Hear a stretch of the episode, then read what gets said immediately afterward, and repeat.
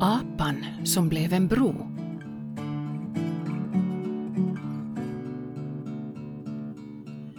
En gång vistades mästaren i Getalunden. Munkarna var samlade i sanningssalen och en av dem sa Vår lärare Buddha, han är god och hjälpsam mot sina släktingar. Och just då anlände mästaren och frågade dem vad de talade om. När han fick höra sa han Bröder, det är inte första gången som Tatagatan är god och hjälpsam mot sina släktingar. Och sedan berättade han en historia från den gamla tiden.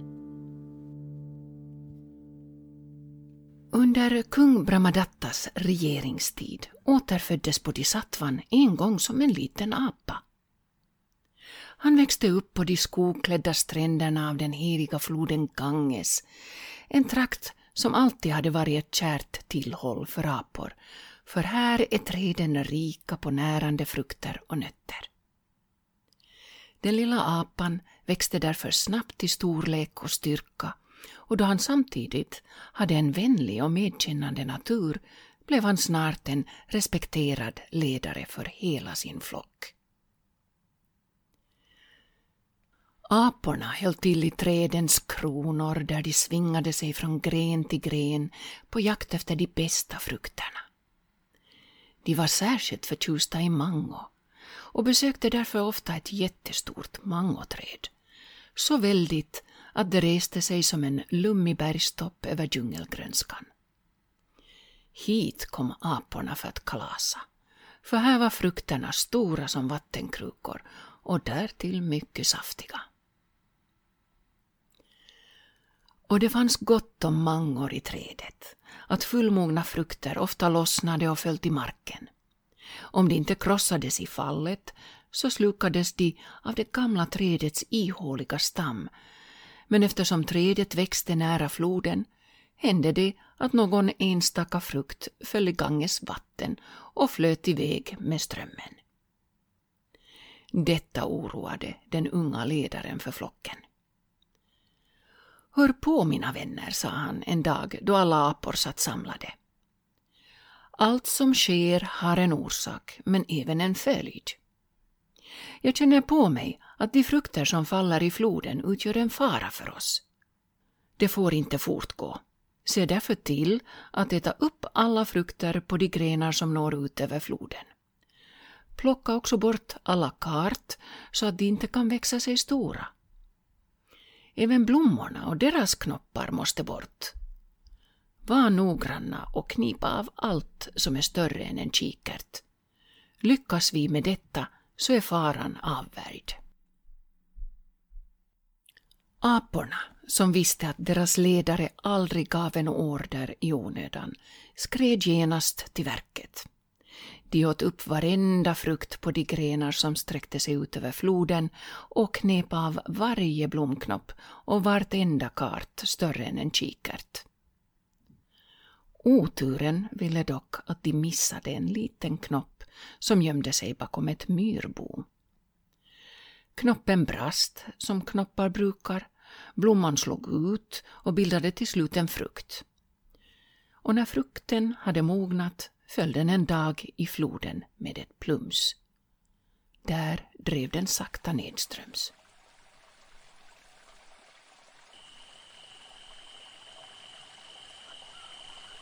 Detta hände samtidigt som den tryckande hettan i staden Benares fick kung Brahmadatta att längta efter ett svalkande dopp. Ledsagad av sina uppvaktande hovmän begav han sig till en på förhand utsedd badplats vid den heliga floden. Man slog sig ner på stranden, men då man aldrig riktigt kan veta vad som rör sig på eller under vattenytan fick ett par lokala fiskare i uppdrag att med sina nät spärra av floden ovanför badplatsen.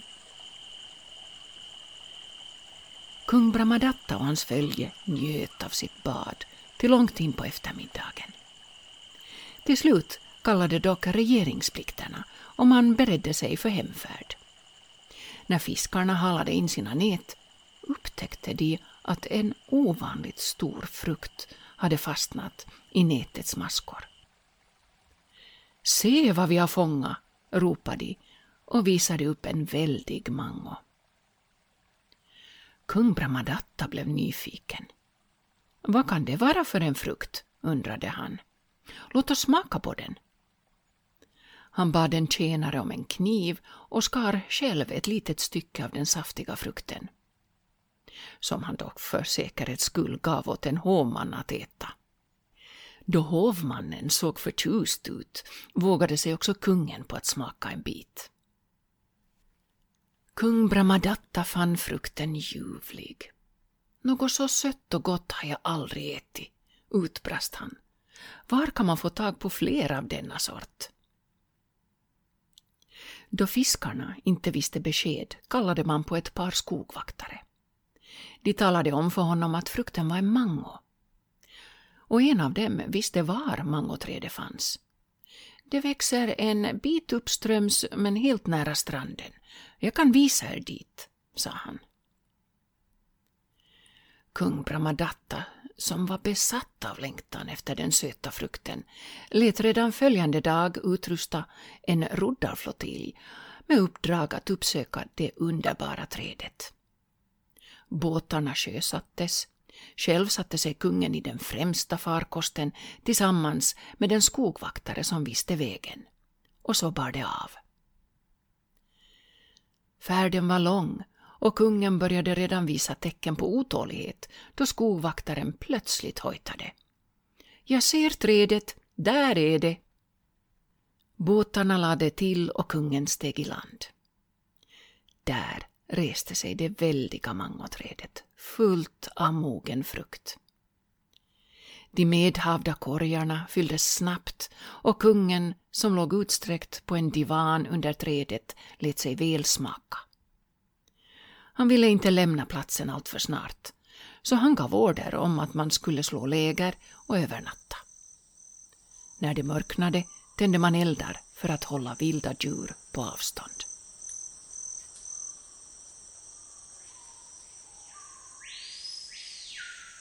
Vid midnatt, då kungen och de flesta i hans följe fallit i sömn, kom aporna för att som vanligt kalasa på mangor i sitt favoritträd. Deras vaksamma ledare upptäckte genast lägereldarna och bad dem röra sig tyst. Men det lätta lövprasslet hade redan väckt kung Brahmadatta. Han larmade vakten. Det finns apor i trädet. Säg åt bågskyttarna att skjuta dem. Imorgon kan vi alla njuta av min älsklingsrätt, grillad apa med mangosås. Se till att ingen apa undkommer. Kung Brahmadatta rörde sig aldrig utan beväpnad livvakt. Skall ske, svarade hans skyttar och lade omedelbart pil på sina bågar. De siktade mot trädet där de skräckslagna aporna förgäves sökte skydd i lövverket. De flockades ängsligt kring sin ledare. Vad ska vi ta oss till? Kungens bågskyttar har omringat trädet. Vi kommer alla att dö. Den unga ledarapan, vars värsta farhågor nu hade besannats, försökte lugna sin flock. Var inte rädda, jag ska se till att ni överlever. Aporna måste räddas, men hur? Ledarapan tänkte så det knakade. Och plötsligt visste han vad han måste göra och fattade ett djärvt beslut. Han klättrade snabbt upp för trädets stam och fortsatte ut på en gren som sträckte sig över floden. Från dess yttersta spets tog han ett språng som endast en apa med övernaturliga krafter kan göra. Han flög som en projektil över floden och landade på den motsatta stranden. Där såg han sig snabbt omkring och upptäckte ett välväxt bambuskott. Apan prövade dess böjlighet och mätte samtidigt avståndet till mangoträdet med blicken. Det borde räcka, tänkte apan, ryckte upp bambuskottet med roten och skalade av barken. Det nakna skottet var mjukt som ett rep. Apan slog ett dubbelt halvslag om ett stadigt träd och knöt den andra ändan runt sin midja. Nu är det bara att hoppa tillbaka till mangoträdet. Repet förbinder trädet med den här stranden och alla apor, även gamlingarna och de som har småbarn, kan sätta sig i säkerhet. Så tänkte denna djärva lilla apa. Med repet om sin midja tog han sats och kastade sig som en vind tillbaka till mangoträdet. Han lyckades fatta tag om den yttersta spetsen av en gren men bamburepet visade sig vara för kort. Apan hade inte räknat med den bit som gick åt till knuten runt hans midja. Nu låg han utsträckt mellan grenen och repet som var spänt över floden. Även i en apas gestalt sätter en bodhisattva aldrig sig själv i främsta rummet. Ledarapan tänkte endast på sin flock och ropade så högt han kunde. Skynda er hit, med lite tur kan ni rädda era liv. Aporna hörde ropet. Några hade redan träffats av bågskyttarnas pilar, men de oskadda kom snabbt klättrande. En del bar sina barn på ryggen, andra hjälpte sina gamla föräldrar. De tittade förfärat på sin ledare.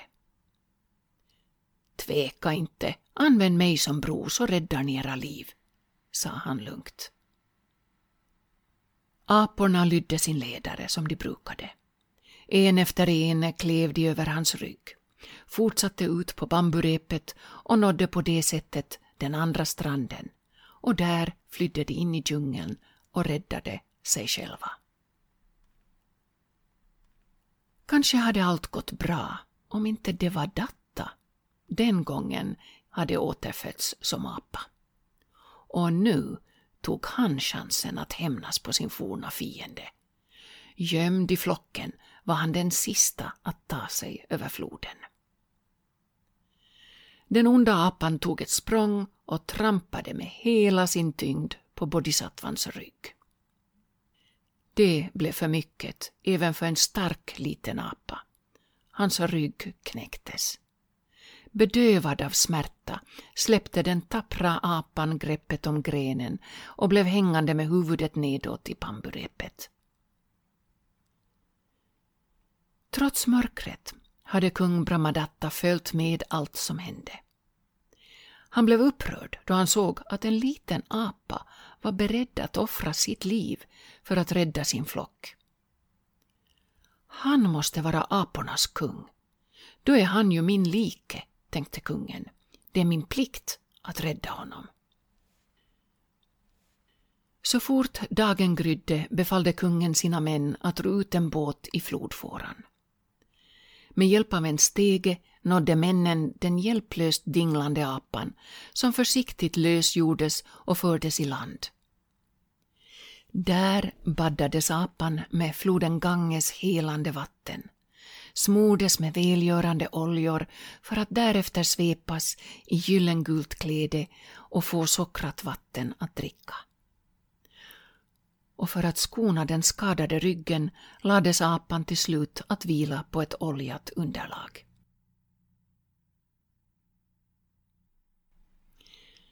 Kung Brahmadatta satte sig på en låg stol vid apans bädd. Säg mig, apa, sa han viskande. Du som gjort dig själv till en bro för att rädda din flock. Hur kommer det sig att du handlade så osjälviskt? Vem är du? Och vad betyder dessa apor för dig? Apan slog upp sina ögon och svarade med en knappt hörbar stämma.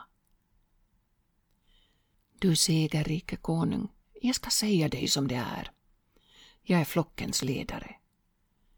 När mina undersåtar greps av dödsskräck var det min plikt att hjälpa dem. Jag ville föra mitt folk i säkerhet. Därför vågade jag det stora språnget. Som du såg nådde jag inte ända fram. Repet jag bundit runt midjan var för kort. Jag fick själv bli deras bro och det ångrar jag inte. På det sättet räddades mitt folk undan bågskyttarnas pilar. Deras välgång är mig kärare än livet. Jag känner ingen smärta, för jag har släppt taget om allt som bundit mig. Apan tystnade. Hans krafter verkade uttömda. Han vände en sista gång sin trötta blick mot kungen och sa Tag lärdom, o konung, av vad du sett och hört. En god regent ska respektera sina undersåtar. Han bör älska dem alla utan åtskillnad, hög som låg, fattig eller rik, såväl de som tjänar sitt land i armén som de civila. En konung ska sätta folkets välfärd och lycka främst om han vill kalla sig en verklig ledare. Kung Brahmadatta begrundade apans ord under tystnad. Han var fylld av vördnad inför ett så litet djur som visat ett så stort edelmod. Då den modiga lilla apans liv inte gick att rädda gav kungen order om att apan skulle kremeras med alla de hedersbetygelser som anstår en konung. Askan samlades upp och fördes i ett gyllene skrin till Benares. Där placerades skrinet på ett altare i templet för att påminna alla om hur en edel konung bör leda sitt folk. Och ett är därtill säkert. Grillad apa med mangosås stod aldrig mer att finna på den kungliga menyn. När mästaren hade avslutat historien berättade han vem som varit vem. På den tiden var Ananda ingen mindre än kungen, apflocken var munksangan och apkungen, det var jag själv.